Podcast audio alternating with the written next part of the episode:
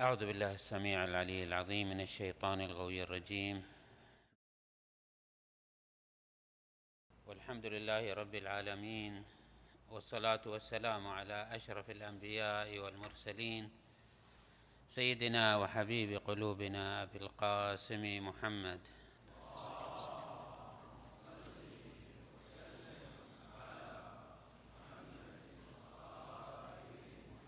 وعلى أهل بيته الطيبين الطيبين الطاهرين المعصومين الميامين. اللهم صل على محمد سيد المرسلين وخاتم النبيين وحجة رب العالمين. المنتجب في الميثاق والمصطفى في الظلال. المطهر من كل آفة البري من كل عيب. المؤمل للنجاة والمرتجى للشفاعة. المفوض إليه دين الله. اللهم شرف بنيانه وعظم برهانه وافلج حجته وارفع درجته. اللهم اضئ نوره وبيض وجهه وأعطه الفضل والفضيلة والمنزلة والدرجة الرفيعة والوسيلة والدرجة الرفيعة. وابعثه اللهم مقاما محمودا يغبطه به الأولون والآخرون. اللهم وصل على محمد وآل محمد الأوصياء الراضين. المرضيين بأفضل صلواتك وبارك عليهم بأفضل بركاتك. والسلام عليهم وعلى أرواحهم وأجسادهم ورحمة الله وبركاته. ثم السلام عليكم أيها المؤمنون جميعا ورحمة الله وبركاته. قال عز من قال في محكم كتابه الكريم بسم الله الرحمن الرحيم. إن الذين آمنوا وعملوا الصالحات سيجعل لهم الرحمن ودا. فإنما يسرناه بلسانك لتبشر به المتقين وتنذر به قوما لدا. وكم أهلكنا قبلهم من قرن؟ هل تحس منهم من أحد أو تسمع لهم ركزا؟ صدق الله العلي العظيم. في البداية أود في الحقيقة أن أبارك لكم وأرجو أن يتقبل الله منا ومنكم. هذه الهبة الحسينية التي قدمتها هذه الطائفة المحقة بكل آفاقها وكل مدنها وأبعادها. هذه الظاهرة الإنسانية الاستثنائية في عمر تاريخ البشرية ظاهرة الاجتماع والتمحور حول هذه القيم وحول هذه المبادئ. هذه الحركة الإنسانية سوف تسجل إن شاء الله في الأرض والسماء. سوف تسجل لكم أنها إبداع بشري محقق للغرض الاستخلاف في أصل هذا الكون. هذه الآية التي نقف بين أيديها تشير إلى السنة الإلهية في أن يجعل الله عز وجل المحبة والود في نفوس الناس. هذا جعل إلهي تكويني. أن يجعل المحدة المحبة والارتباط والود للمتقين للذين يجسدون قيم الإنسانية والقيم التي خلق في سبيلها الإنسان التي تحقق للإنسان سعادته وتحقق للإنسان غرضه في هذا الوجود. لاحظوا إخواني أنه إذا استعرضنا في آه، خطوط عريضة الحركة البشرية في هكذا نحو من التجمعات.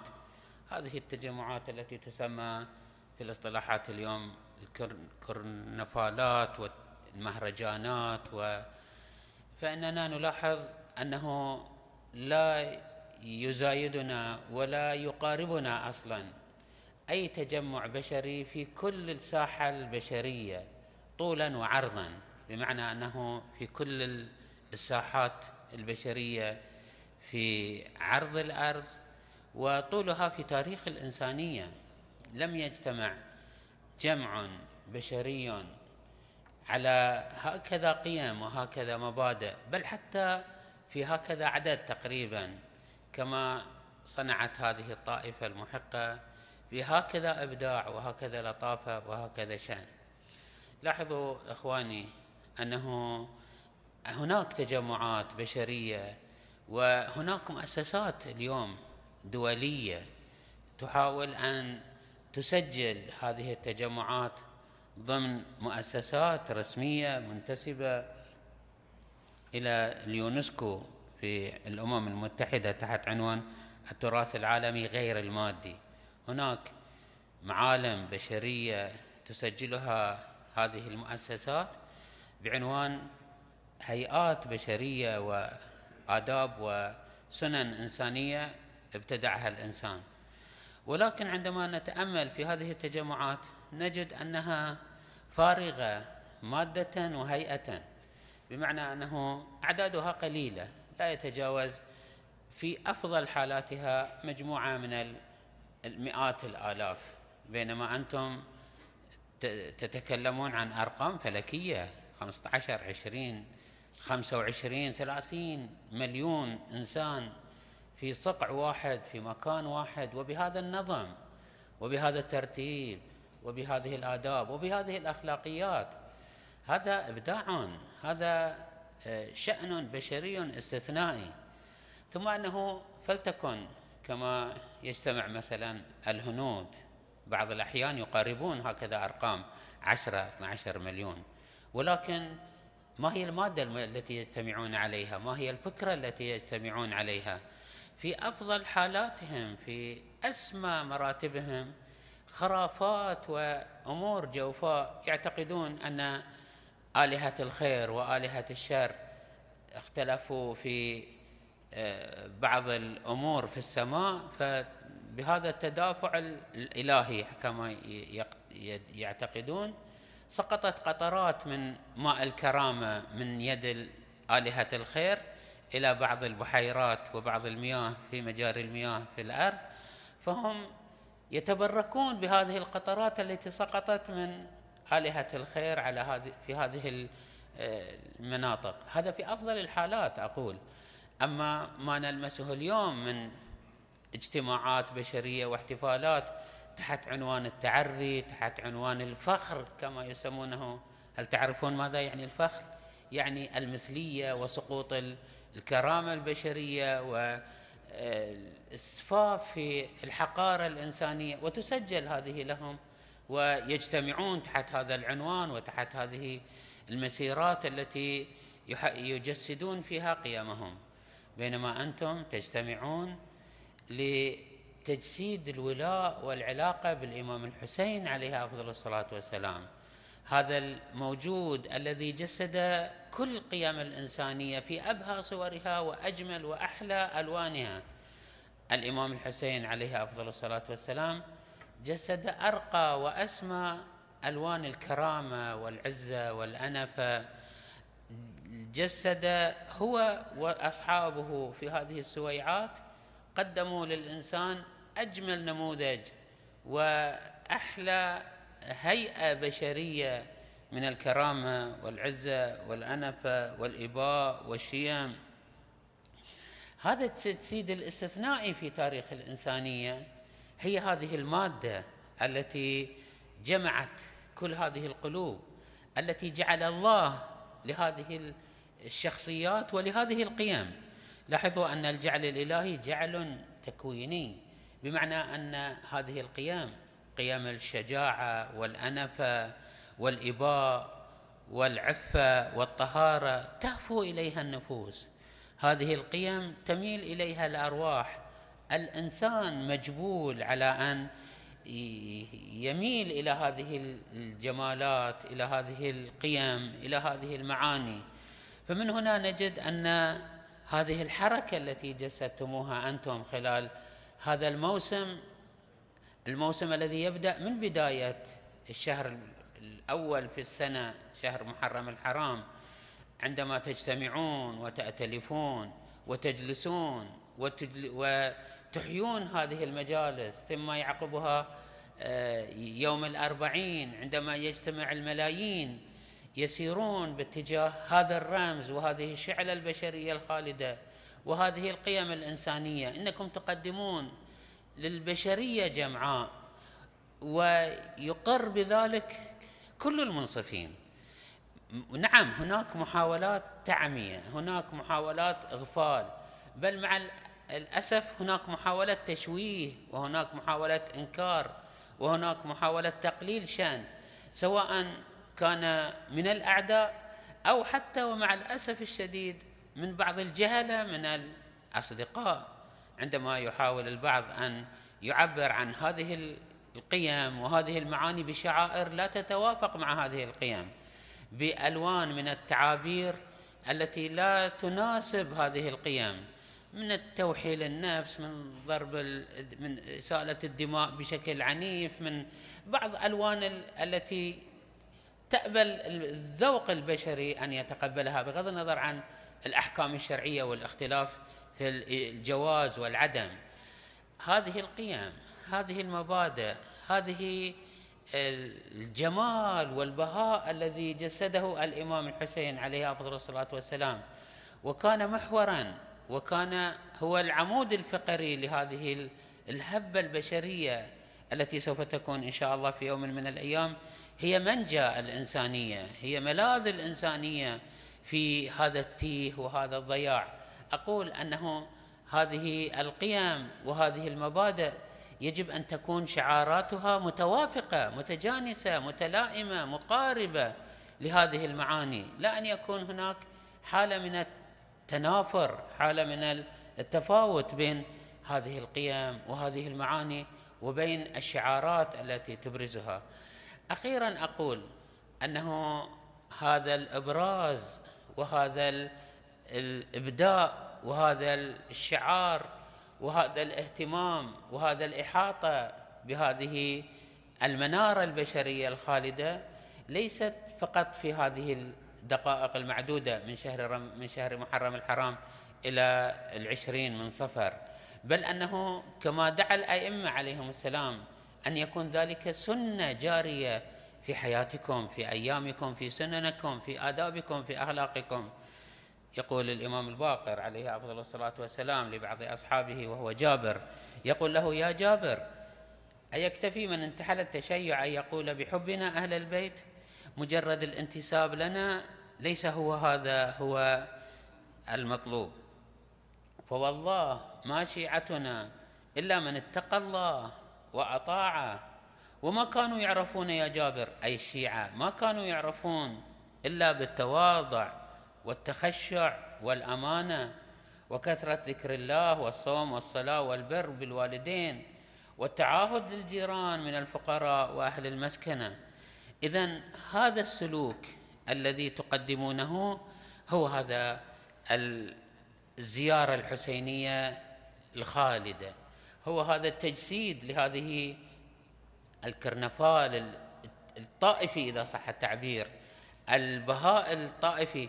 طبعا إخواني أنا أؤكد لكم أنه خلال هذه التاريخ المديد من 1400 سنة منذ التشيع بلا شك هذه الطائفة قدمت صورة جميلة يقر بها المنصفون عندما يقولون معروف عن الشباب الشيعي أنهم أكثر جدية وأكثر مثابرة وهذا سمعتموه من بعض غير الشيعة.